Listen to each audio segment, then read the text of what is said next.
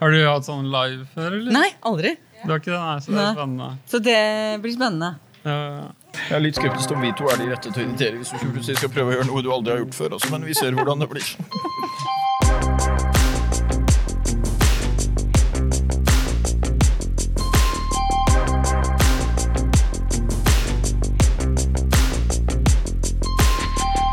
Velkommen til denne spesialepisoden av podkasten Undervisningsplikten. Eh, Gunn Enli heter jeg, og jeg er studiedekan ved Det humanistiske fakultet her ved Universitetet i Oslo.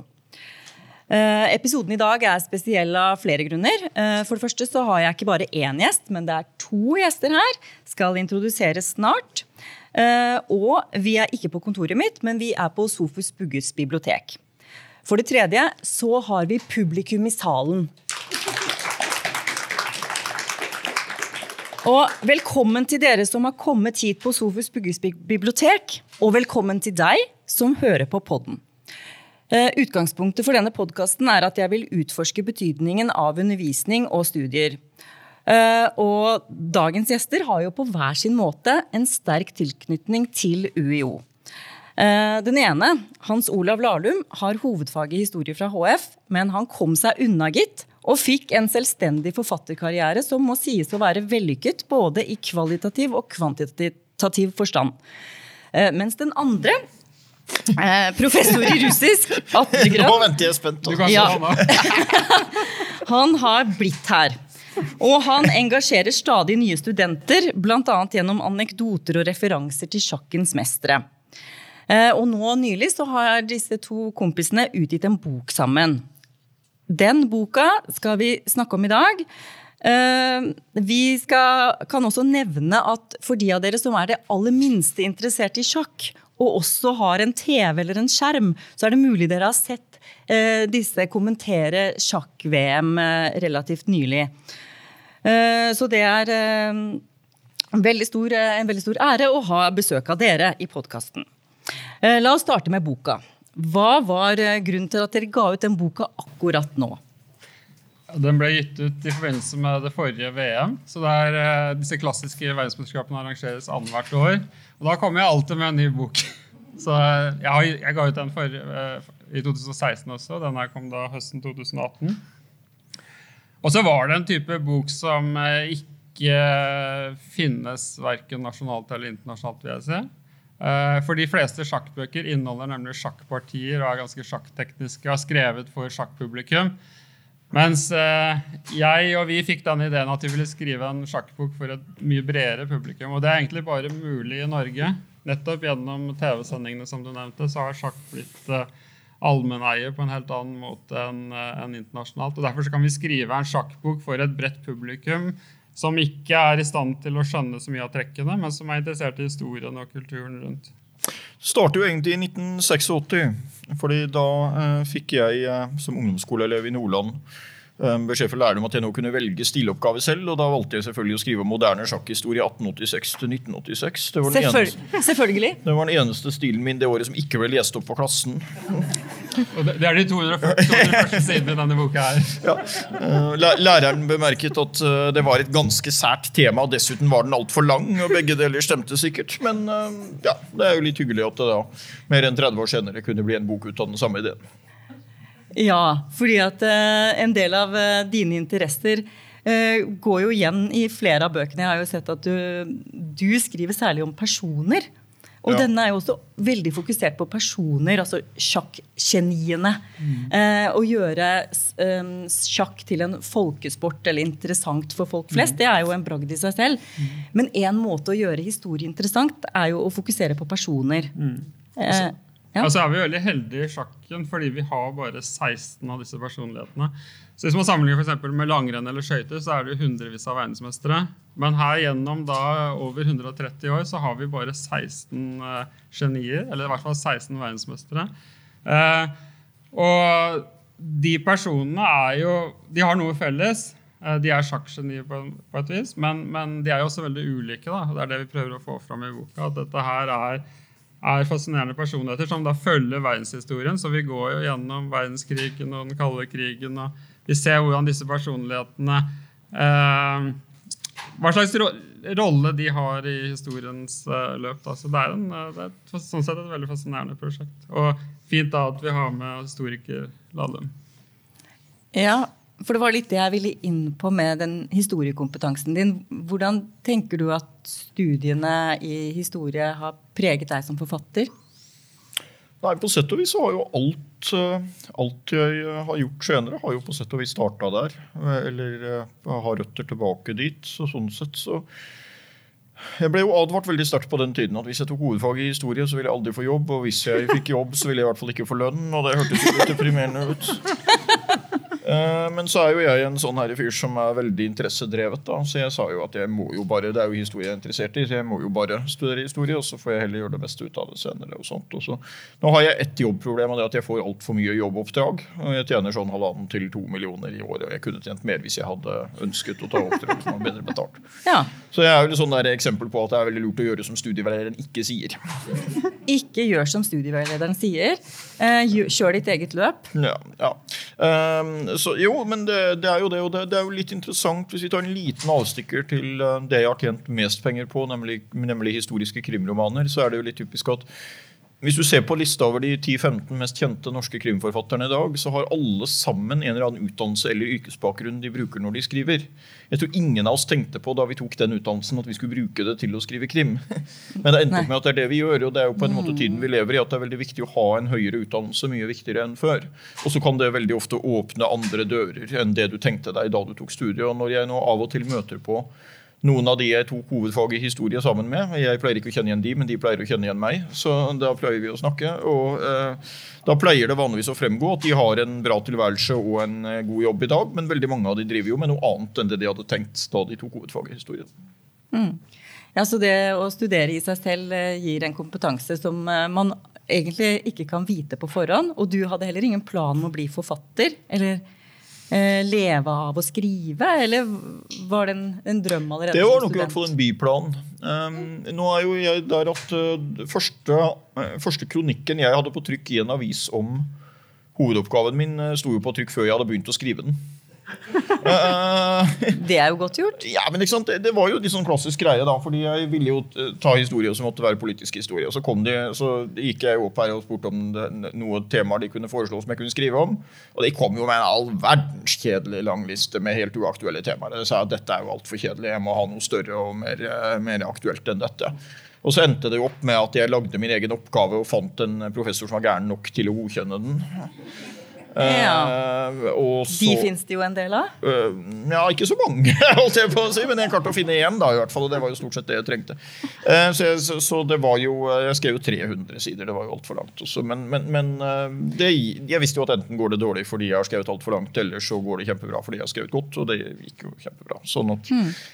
så jeg har hele tiden egentlig gått min egen vei på det, mm. og liksom valgt uh, innafor faget også. Jeg, når jeg valgte det temaet jeg gjorde, jeg skrev jo da om Arbeiderpartiet og viktige verv der i perioden 45 til 75, mm. så var det nok i stor grad med tanke på å kunne skrive bøker senere. eller i hvert fall at Det var et veldig aktuelt tema. Ja. Det var et tema som kunne gi god bakgrunn for å jobbe som for journalist eller politisk kommentator. Og det, var et, og det var et tema som kunne gi god bakgrunn for å skrive bøker. Ja, og det har jo virkelig vært eh, nyttig for deg å ha den eh, bakgrunnen uten at du har valgt å bli forsker selv. Eh, sånn som eh, Grønn. Eh, Atle, du er jo her på UiO og kunne sikkert også vært en frilans skribent og levd av å være sjakkekspert. Ja, det vet jeg nok. Men hva er det som driver deg til å, å være her på, på universitetet? Jeg vil bare følge opp det Hans Olav sa. for Jeg, jeg annen, føler at jeg har en annen bakgrunn der. Fordi jeg har lest og vært interessert i særlig russisk sjakkhistorie i 35 år. Men jeg hadde jo aldri noen forestilling om at uh, dette skulle interessere noen andre enn meg. Uh, så jeg satt jo, også etter at jeg fikk fast ansettelse her, så satt jeg jo på kontoret og drev med Ofte i pausene da, med russisk sjakkhistorie for meg selv, trodde jeg. Uh, helt til Magnus Carlsen dukket opp. Og det er jo sånne tilfeldigheter som man ikke har kontroll over. Men men, og plutselig viste det at det var en interesse for den kunnskapen også utover uh, mitt, mitt lille, min lille verden, som var egentlig stort sett bare meg selv. For jeg hadde ingen å diskutere dette med heller. Så det var ingen i Norge som, som drev med russisk sjakkhistorie og sjakkultur. Uh, og jeg var den eneste. Altså Det var kanskje en annen. fordi på Akademika så hadde de på, på 90-tallet, 80- og 90-tallet så hadde de et russisk sjakktidsskrift som het 64. Og de hadde to eksemplarer. Og jeg kjøpte alltid et. Og så ble det andre også kjøpt. Så da tenkte jeg at det er kanskje en annen gærning der. Uh, men jeg møtte aldri vedkommende. Uh, og så sluttet jo Akademika å, å føre det tidsskriftet. Som det synes jeg var helt håpløst, for de ble alltid utsolgt. De to eksemplarene alltid kjøpt. 100 utsolgt, ja. ja. Men, men, jeg drev jo da og pusla med disse tingene her. og så det, det, historien forteller meg i ettertid, da, det er at hvis du Det lønner seg kanskje av og til å drive noe eh, drive det ekstremt. Eh, og drive noe som er lystbetont, og som du virkelig er interessert i. Da, og virkelig mm. går dypt inn i. Ja, for i boken så utforsker dere jo genibegrepet, og hva er et geni? Ja. Og det å dyrke en interesse så hardt og så lenge at det gir liksom, resultater. Ja, altså, Genibegrepet ja, det var min idé at vi skulle ha den tittelen. Og det, det, er jo rett og slett fordi det er et subjektivt begrep som man ikke, man ikke helt klarer å definere. Og jeg ønsket ikke at dette skulle bli en faktaorientert, uh, ren historiebok. Jeg ville at det skulle være en bok hvor man kunne synse i vei og skrive om ting som Komme med morsomme historier og anekdoter, men gjerne litt tullete bulter. Og så ble det etter hvert en struktur på det osv.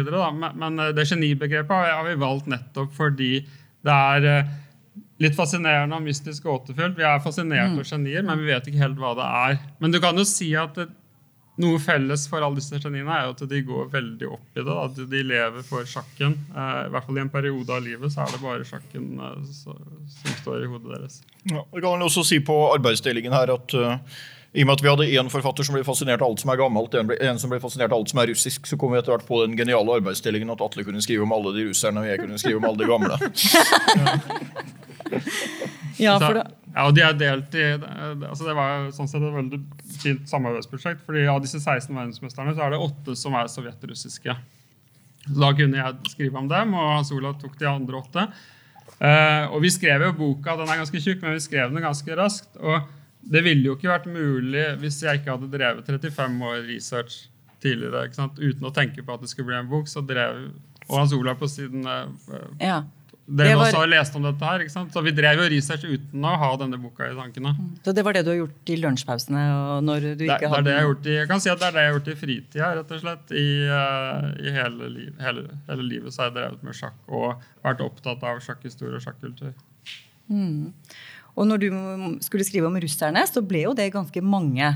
For de er mm. godt representert. Mm. Eh, hva er grunnen til at eh, Russland har så stort eierskap til sjakken? Ja, det er jo en lang og morsom historie, det, da, som startet allerede med Lenin. Nei, egentlig så startet det før, eh, men, men vi kan det var et skille ved Lenin. da, Og Lenin var, og revolusjonen i 1917 Lenin var veldig sjakkinteressert, men hadde naturlig nok ikke tid til å, til å virkelig jobbe fram sjakken i Sovjet. Mens derimot Stalin, som var litt svakere spiller, men hadde mer tid, satt lenger. Han eh, skjønte at sjakken hadde et voldsomt eh, propagandapotensial. Eh, for sjakken symboliserer jo den rene hjernekamp. Så ren, ren, intellektuell duell, hjerne mot hjerne. Og det er jo noe vakkert ved det. Å være best i det. Det skjønte Stalin og Sovjet at var viktig. Og så skapte de da den sovjetiske sjakkskolen, hvor de gjorde sjakk til vitenskap og sport mer enn bare kunst, som det kanskje var tidligere. da. Og de profesjonaliserte sjakken på samme måte som de profesjonaliserte balletten. Og, og også, for eksempel, også i musikk og matematikk, hvor de, hvor de, hvor de var gode. Eh, og da fikk man for første gang i historien og eneste gang i historien, så ble sjakk et statlig satsingsprosjekt. Og det gjorde at de dominerte fullstendig etter den annen verdenskrig og var, eh, hadde verdensmesteren da fram til Fischer i 1972. Mm. Ja, og da er du eh, veldig god, syns jeg, til å forklare for studenter mm. eh, at eh, de må jobbe hardt for å oppnå målet sitt. Og, og jeg var jo hørte deg da du holdt presentasjon på Åpen dag her på mm. Og da var det studenter eh, Eller vi håper de skal bli våre studenter. Det er eh, fortsatt elever på videregående skole som tar turen hit. Og da fortalte du eh, litt fra denne boken og litt om hvordan man må jobbe for å bli god. ikke sant? Og, og det er jo svaret litt sånn kjedelig og, og ikke så spennende, det, fordi det genibegrepet ender jo opp med at det handler bare om hvor mange timer arbeid du nedlegger på hvilket tidspunkt i livet. Ja, akkurat det diskuterte jeg med en psykolog, Geir Kirkebøen, her på UiO. Så han, eh, han, eh, altså Psykologene mener jo faktisk noe av det du sier der, som jeg syns er litt oppsiktsvekkende, at det bare handler om antall timer du legger ned. Så han eh, antydet for meg at uh, Magnus Carlsen var ikke født med et spesielt godt sjakktalent. Uh, men at uh, han fikk da rett input i, i rett alder. Uh, jeg er litt usikker på det, men for jeg, jeg vil altså Personlig så har jeg vel lagt ned like mye tid i sjakk som Magnus. Men han spiller jo bedre, så det er et, det er et eller annet som spiller der. Det er urettferdig. Ja.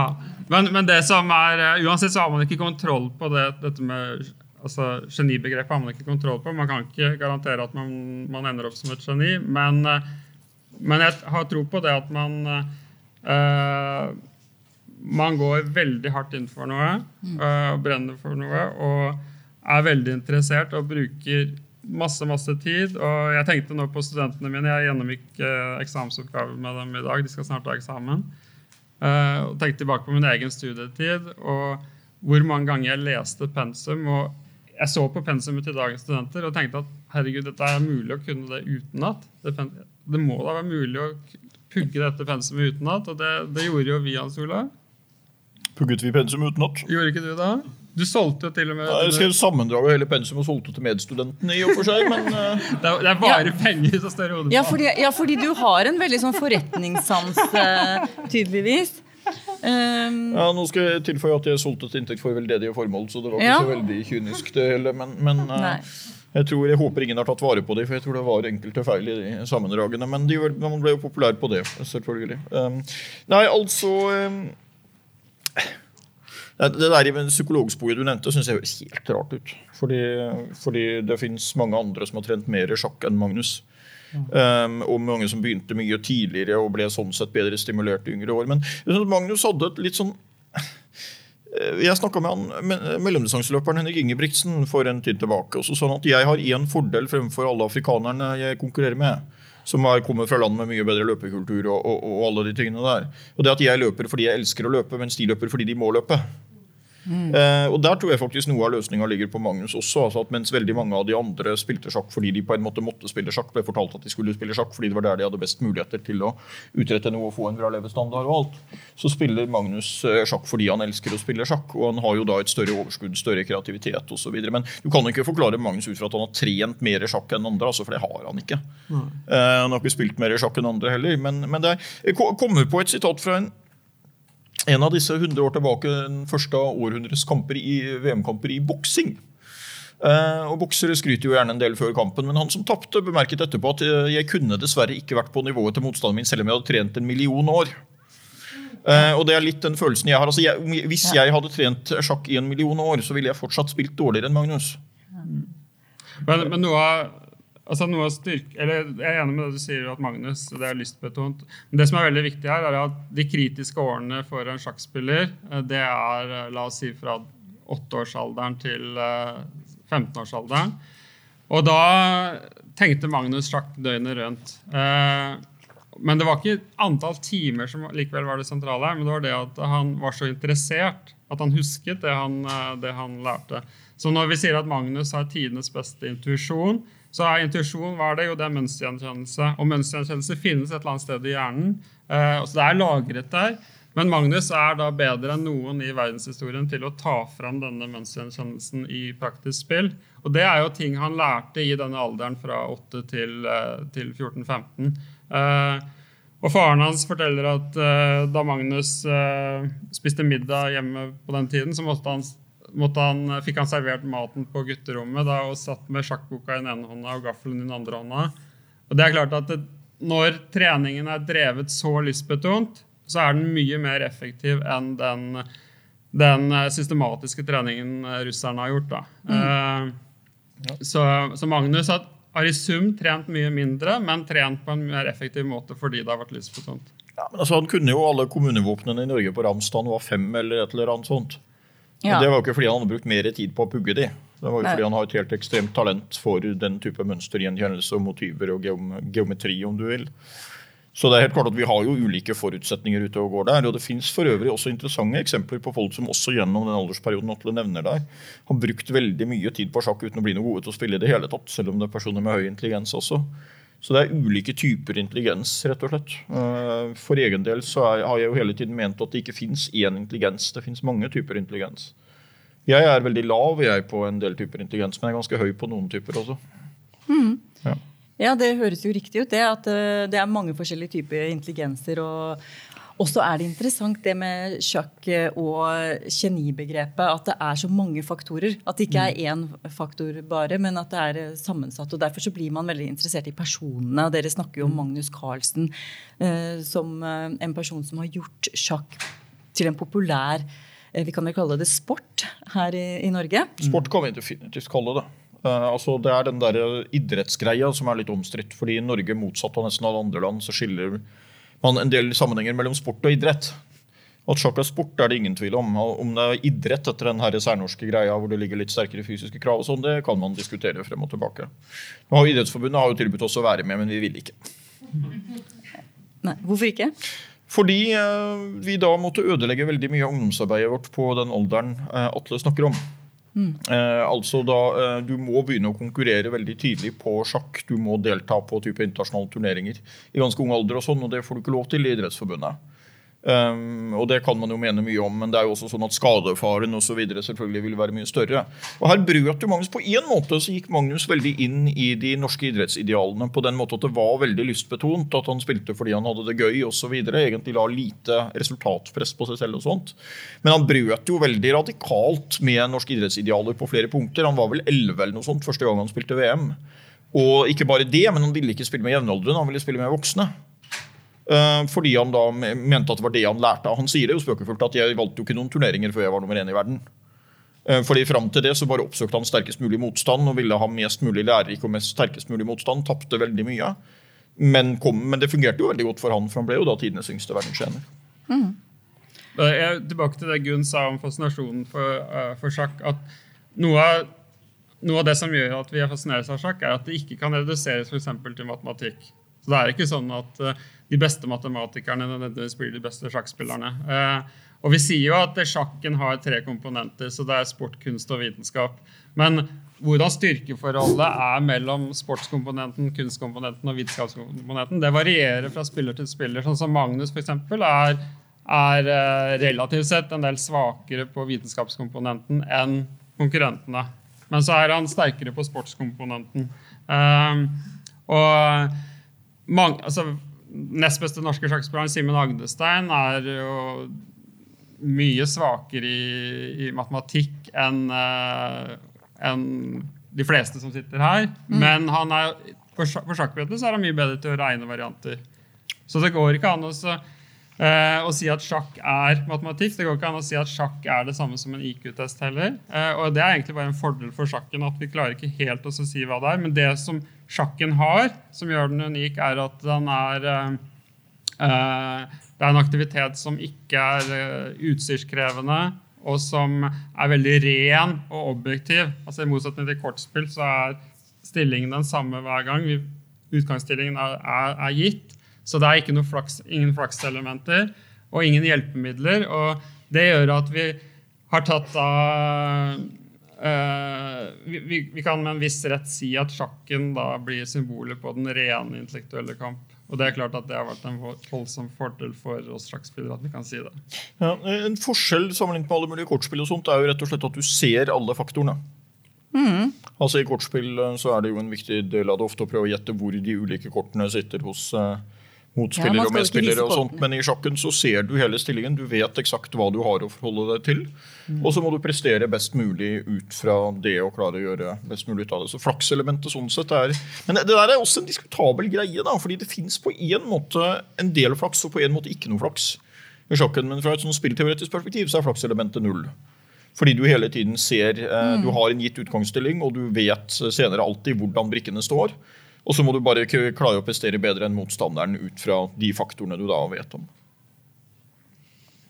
Ja, og det er jo sånn at eh, Du har vel sagt, Atle, at du eh, ikke er noe tilhenger av kaos.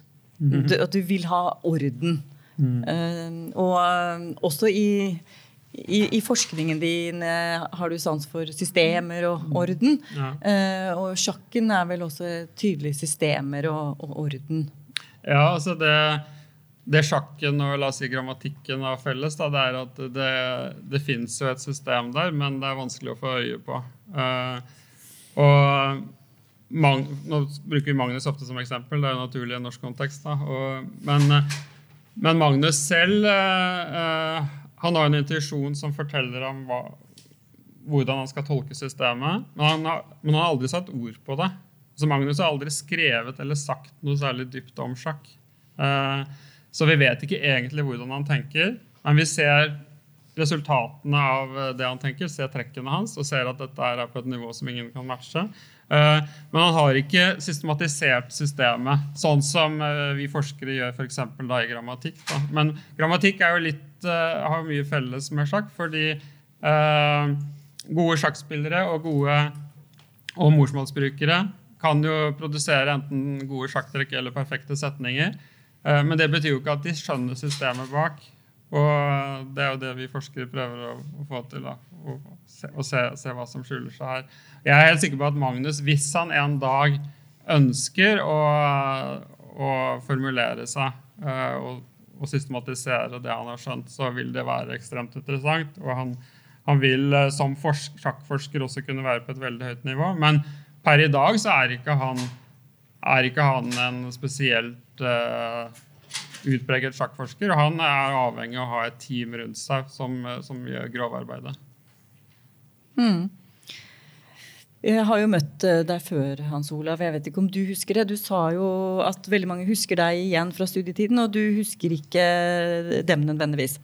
Det jeg husker, er at vi var eh, i NRK på Marienlyst. Eh, Begge to skulle inn i et debattprogram. Vi skulle i hver vår sak. Det var et sånt venterom. Det var mange andre der òg. Jeg skulle inn før deg i en sak, så vidt jeg husker, og du sa noen tips til meg. Ja. Og du sa du må være veldig rask. Du må si det du skal si i løpet av 20 sekunder. Ja. du må ikke prøve å si alt du vet. Ja. Husker du det, også, Det jeg- høres sannsynlig ut at jeg har sagt dette. ja, og det tenkte jeg på, og jeg, jeg syns eh, det var veldig gode råd. Eh, og så tenker jeg på det forholdet dere har til mediene, og, og de reglene som mediene også setter, sånn at du må f.eks. levere veldig raskt på 20 sekunder, eller ja. Ja, Det er litt mindre ekstremt på radio enn på TV. da. Eh, Men av og til så er det vondt å se på når det er akademikere på TV som begynner med å rote seg inn i all verdens definisjoner og sånt, og har snakka i to minutter og fortsatt ikke er i nærheten av å si noe folk forstår, og noe som har relevans for spørsmålet, egentlig. Eh, Og Grunnen til at jeg blir brukt så mye i media, er jo at jeg ikke bruker alle disse begrepene som akademikerne eh, for en stor del da bruker. Eh, At jeg klarer å uttrykke meg rimelig forståelig og komme relativt fort til et svar på spørsmålene, eh, tror jeg. Og Der er det nok mange akademikere som har litt å gå på. Det er synd, fordi det er veldig stor på det stedet vi nå befinner oss på Universitetet i Oslo, er det jo veldig mange som har veldig stor kompetanse og mye å tilføre samfunnsdebatten på ulike områder. Men enten så vil man ikke delta, eller så deltar man da så å si på veldig akademiske premisser. Eh, og det er litt synd. Så det med formidling sånn sett er jo noe jeg har vært veldig opptatt av. Og det er jo da endt opp med at jeg velger å være en formidler utenfor akademia. Ja, Det høres nesten ut som du har tenkt formidling helt fra starten av da du valgte hovedoppgave, at det skulle være interessant utover eh, bare det akademiske arbeidet, og, og kronikkskriving var eh, involvert? Ja da. Ja da. Eh, Det, jo da, jeg eh, har hele tiden vært veldig opptatt av det. Nå ser man et visst eh, om ikke en generasjonsmotsetning, så i hvert fall en generasjonsforskjell der. fordi det er jo mange flere av de unge akademikerne, hvis vi nå snakker folk som er sånn mellom 30 og 50 i dag, eh, som, eh, som er mer interessert i, i det vi kan kalle ekstern formidling, da, eh, enn det en del av de eldre professorene har vært. Og det finnes jo store unntak der. Åre Brått, f.eks. Var, et, var et glimrende unntak. Men det er litt tankevekkende, det der. Jeg har jo vært i noen debatter om det også. Um, også, og, og, både på Universitetet i Bergen og, og, andre steder rundt. Og det er helt klart at Vi har et akademia hvor, hvor det belønnes altfor alt, alt for lavt å drive ekstern uh, formidling og prøve å nå ut til flere. Ja, vi har jo en, en, pågående prosess her på UiO nå hvor vi jobber med strategi 2030. Og da er det jo hvordan skal vi forbedre oss innen undervisning, forskning og, og, formidling. De tre pilarene. Og da er det jo mange som mener at uh, formidling er, uh, er, et sted vi har, har, litt å gå på. Unektelig. ja. Nei, Det tror jeg ikke det er noen som helst tvil om. Og det går jo litt inn på dette bokprosjektet her også. For det er klart at vi kunne skrevet denne boken på en helt annen måte og skrevet den for et ekspertpublikum. Og den ville på en måte blitt en hva skal vi si, vitenskapelig sett bedre bok. Den ville nådd ut til mange færre. Og det ville vært en mye mindre anvendelig bok, rett og slett. Så vi har jo ganske bevisst i dette tilfellet valgt å ikke gjøre det. Vi ble, jeg ville jo ha noter, men Atle ville jo ikke det engang. ikke sant? Han er, og han er professor? Ja, han er professor. ikke sant? Han vil ikke ha noter, og da har han forstått noe med formidling. Ja. altså Det er en av fordelene med å være professor, at man får den selvtilliten at man bare skreller bort alt sammen. Ja. Uh, men uh, nei, så jeg, men jeg er uh, altså det, Formidling er eh, Jeg skal ikke komme med noe fasitsvar om formidling, fordi jeg er jo litt splittet her. ikke sant? Jeg driver med to ting som ikke er helt uh, kompatible. Jeg formidler jo faktisk ikke noe særlig russisk grammatikk.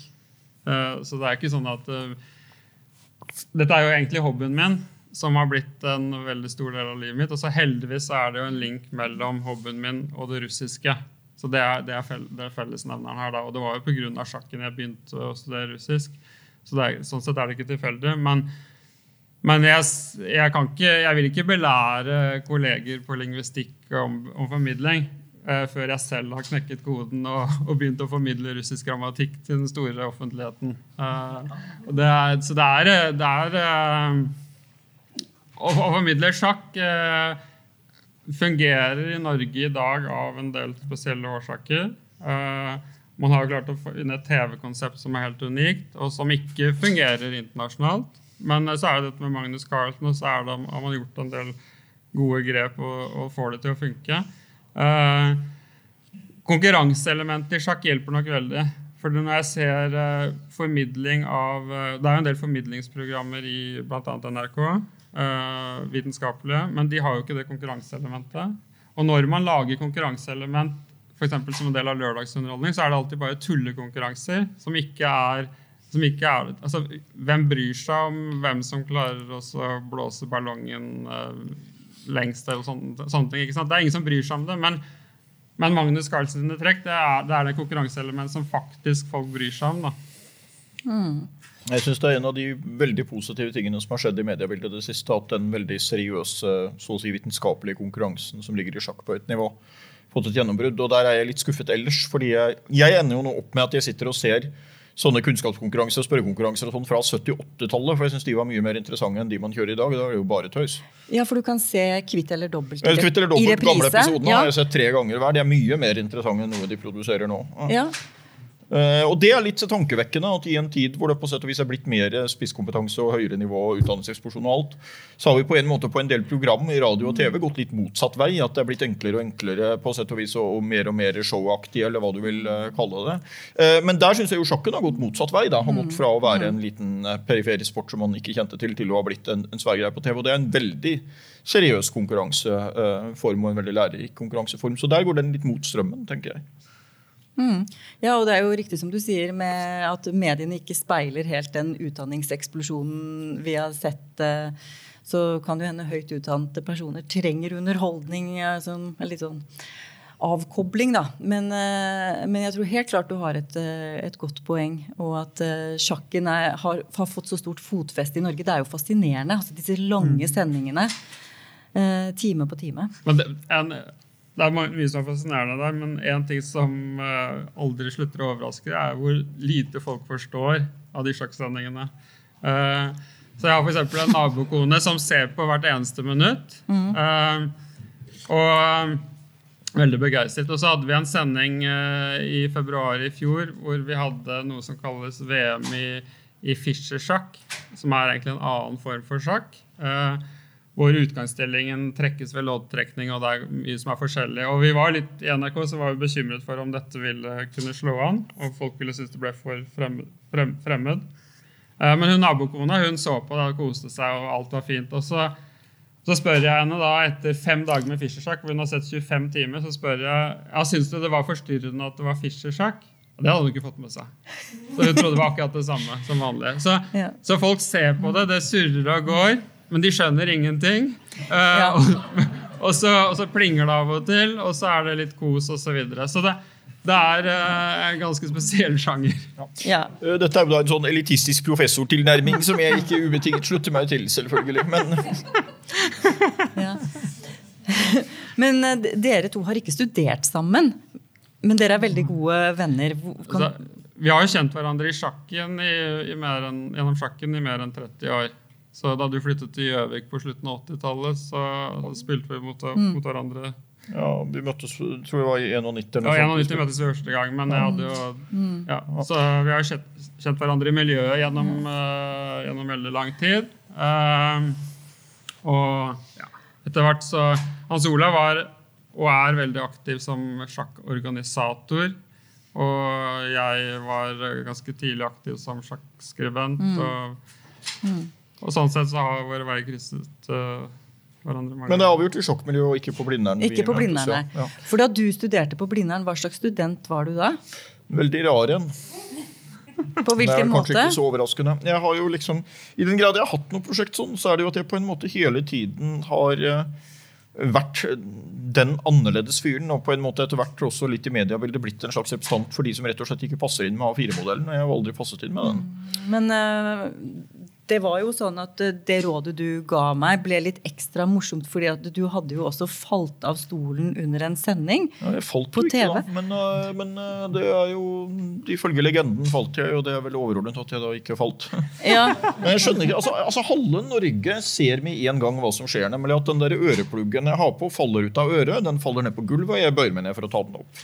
Og den andre halvparten nekter å skjønne det uansett hvor mange ganger de ser det om igjen i slow motion. Altså. Så det er et sånn ganske interessant eksempel på at man ofte ser hva man vil se. ja. Og Og det, får det har jeg jo andre, men jeg, vet ikke, jeg kan nevne et lite eksempel på det her som er ganske fascinerende med selektive sanser og sånt. Jeg satt da og leste en bok på, på eh, Gardermoen, og så kommer det en helt ukjent mann forbi og sier at det er flott å se at du sitter her og leser Bibelen. Og Jeg prøver da å forklare at dette er ikke Bibelen, dette er en krimroman av Thomas Enger. det er noe litt annet liksom. Og, så, og til dette svarer han da veldig fint at du leser Bibelen, lykke til videre med det. Eh, Så I det første elementet så ser han det han ønsker å se, nemlig at jeg leser en bibel fordi jeg sitter og leser en bok. I det andre elementet så hører han ikke det han ikke ønsker å høre. Ja, her er det Og det mange der er et sånn fa- fascinerende fenomen man av og til eh, støter på, eh, rett og slett. Men eh, nå sporet vi egentlig litt av. Ja, vi, sporet litt Eh, av. altså- det, det som var, vi var på studietiden. ja, vi var på studietiden. Nei, jeg var, jeg var en skikkelig usosial student. Jeg var på, men jeg skal si at det var jo The Great Awakening, eller hva man skal kalle det for meg, var jo å komme på Blindern. Eh, og det er jo det er to ting som skjer som påvirker livet mitt veldig positivt i den perioden der. Fra et ganske trist utgangspunkt. Og det ene er eh, det ene er sjakken og sjakkmiljøet, som egentlig var det første miljøet jeg, i mitt liv hvor jeg fikk noen venner av betydning og, og, og følte at jeg hørte til. Eh, og det andre var jo at jeg da Jeg har tatt videregående som privatist, jeg. Eh, og jeg, altså, jeg hadde en nær-døden-opplevelse da jeg var 14. Og det kan, slå, det kan slå forskjellig ut hvordan eh, det slår ut å ha hatt en nær-døden-opplevelse når du er 14. Men i mitt tilfelle så slo det da ut på den måten at når du har holdt på å dø når du er 14, så er det veldig lite fristende i de årene etterpå å drive på å bruke all mulig tid på ting du ikke skal drive med. Og jeg visste jo fra jeg var sånn ca. 11 hva jeg skulle gjøre når jeg var ferdig med videregående. Så jeg var veldig lite motivert for å drive og lese alt mulig tøys jeg ikke skulle ha videre uansett på videregående. Så derfor så droppet jeg ut av videregående og tok det som privatist. Og det var en ganske keitete, ganske tungvint prosess å ta, og det var mange oppoverbakker der. Også fordi jeg jo da måtte ha bestått i en del av disse idiotiske fagene jeg ikke skulle studere videre uansett. Så, så, det var jo den store oppvåkningen å komme til Blindern og oppdage at det faktisk var interessant å studere. At man nå endelig skulle få lov til å bruke Man måtte riktignok ha X-Fill først, og det var jo en sånn siste hard kneik. Men etter det så var det jo, eh, var det jo riktig hyggelig. Men eh, antall venner jeg fikk på studieårene, er vel sannsynligvis null. Null venner, men mange Jeg deltok ikke på sosiale aktiviteter. Uh, ingen ingen sosiale Jeg ble tvunget til å gå på et oppgavekurs av moren min en gang. Men du kom uh, til eh, Blindern, og gikk på forelesning og leste og, Og leste pensum og skrev sammendrag av pensum. og solgte det, Ja, og gikk hjem. ja Ja. det er riktig. Uh, og, jeg, og jeg vil ikke anbefale andre å gjøre det, for jeg tror ikke de fleste andre vil fungere veldig godt på den måten. Men for meg var det riktig. Ja, det var en veldig målrettet uh, atferd. Ja, det kan man jo, kan man si. Nei, jeg, jeg eh, Nei, det var veldig det var Eventuelt på hovedfaget så lærte jeg meg jo navnene på noen av de andre studentene, men før det tror jeg, tror jeg ikke jeg kunne noe av betydningen. Det var helt sånn sporadisk. Det hendte jo at man satt i nærheten av noen av de samme personene. og sånt, men, Uh, men det var veldig veldig lite kontakt jeg hadde med, med, med de andre studentene utover uh, å være på forelesninger og eksamen. og sånt. Men det faglige var en oppvåkning, som du sier, eller en Ja, i, i høyeste grad. livsendring. Altså, jeg tror jeg gikk tre år før jeg gikk på et oppgaveskrivingskurs. Da jeg gikk på et oppgaveskrivingskurs, var det første og siste gang også. Sånn at, eh, så jeg var en veldig sånn avvikende fyr, og, og jeg vil ikke anbefale andre å være det. Men det er viktig at man tenker over hvem man selv er, og hva som passer. Og det er jo liksom også en del av livet som student. da. At du har ganske stor frihet til å velge hva du vil gjøre og, og, og ikke. Eh, Og når jeg har vært kritisk i en del ting på debatten med utdanning i senere år, så har det jo i liten grad vært til universitetet, men egentlig mer vært til at jeg er redd for at man har et videregående skolesystem. Hvor man presser folk veldig sterkt inn i en sånn A4-modell. Og så må du ha fire i matte for å få bli lærer, og du må ha bestått i det og det for å kunne bli det og det. Selv om det egentlig ikke er noen sammenheng mellom disse tingene. Og det er et system jeg er veldig redd eh, for. Ja, og det er jo den utvelgelsen som vi merker her på UiO, hva slags rekrutteringsgrunnlag vi har av studenter. Og særlig ja, innenfor språkfagene som, og lingvistikk. Og merker du at studentene har den kompetansen? Eh, ja, har de, har de lært det de skal? For å, Nei, altså, jeg eh, jeg, jeg, merker, er, jeg begynner å bli gammel, ikke sant? så da, da, da, det, da blir man nostalgisk, tenker tilbake på egen studietid. Og vi leste jo mer bøker, da. Det var ikke så mye skjermer og sånn. Så eh, fra min egen studietid, det jeg kjenner igjen som Hans Olav snakker om Jeg kanskje, var kanskje litt mer sosial, men, men jeg leste jo ekstremt mye. Så det er jo den perioden i livet jeg leste mest. Eh, du studerte i Frankrike? jeg studerte i Frankrike også, mm, men jeg startet her, og så noen år i Frankrike, og så tilbake, tilbake her. Hva var forskjellen, eller hva, hva fikk du ut av utenlandsoppholdet? Jeg fikk mye ut av det, men, men generelt så vil jeg jo si at eh, norske studenter er mye mer selvstendige enn franske. Så dine forelesningsnotater ville vært veldig populære i Frankrike. Der er de ekstremt opptatt av hva foreleseren sier. I, I Norge så er vi litt mer opptatt av eh, at foreleseren kommer kanskje med et alternativ til pensum. Eh, mens i Frankrike så er det foreleseren, sier, det er det som er pensum. Eh, så Norge, fra, Norge, fra Norge så var jeg vant til at jeg leste bøker, pugget bøkene, og så var forelesningen noe ekstra. Ja. Så, og det, det systemet syns jeg egentlig er det beste. Så det prøver jeg å videreføre også nå. Så jeg, jeg liker ikke å si akkurat det samme som står i boka hele tiden, men, men komme med et, uh, med et nytt blikk på, på pensum. Ja, hvordan er det du klarer å engasjere dine studenter? Er du en som stiller mye krav eh, om forberedelser? Og uh, ja, men altså jeg gir dem også selvstendigheten. Da. Så jeg åpner for at uh, det, folk er forskjellige, og at man kan ha typer som Hans Olav også, som ikke går på oppgaveseminarene. Eh, men når det er sagt, så har vi måttet innføre obligatorisk oppmøte på forelesningene. Eh, Ah! ja, der kom det et hyl. så, så Det er, eh, er Hater ordet obligatorisk. Ja. ja, ikke sant? Så det, det hadde ikke passet helt for deg, Hans Olav. Nei, nå er det noen sammenhenger hvor jeg kan se at det er, men, men samtidig er det mye rare byråkratiske terskler man lager på sånt, og jeg vil ha færrest mulig terskler sånn, for jeg mener at det finnes utrolig mange ulike mennesker som kan gå ulike veier fram til å skaffe seg kompetansen. Det finnes jo sosiale fobier også, ikke sant, som gjør at noen sliter veldig med i det å gå på den type ting. Ja, og da Eh, ville man fått fritak ja, hos deg, at... Atle. må alle får fritak. Ja. Bare- Alle får fritak. Så, så, så altså det er obligatorisk, men alle får fritak, er det du sier? Altså- men men det, er, det, det fungerer litt disiplinerende at det er obligatorisk. Så får de heller sende den e-posten og be om fritak, og så får de det. Ja, ikke sant? Så da, da er vi mm, kommet til et punkt hvor vi ser at det er uh, litt um, motsetninger mellom obligatorisk og fritak for alle. Eh, Det er snarere si at vi kom til stadiet hvor vi fant ut at det ikke var det, men eh, Men for å, for å mm, oppsummere litt, så vil jeg jo si at dette har vært veldig interessant å snakke om um, genibegrepet og undervisning og, og deres eh, egen studietid. Um, og jeg må si at jeg syns det er fascinerende at dere har så sterkt vennskap. Bare rent av, avslutningsvis. Eh, dere er jo veldig produktive begge to. Skriver mye. eh, foreleser, underviser, er i mediene stadig vekk. Men allikevel så prioriterer dere vennskap høyt. Ja, nei, men Det er hyggelig at du, du legger merke til det. Men det er sant det at vi har Noe av det morsomste med den boka har jo vært uh, å reise rundt. Eh, så jeg tror, eh, og sammen med Hans Olav, jeg tror jeg har vært ja, nærmere 30 foredrag eh, rundt omkring over hele landet, og virkelig over hele landet.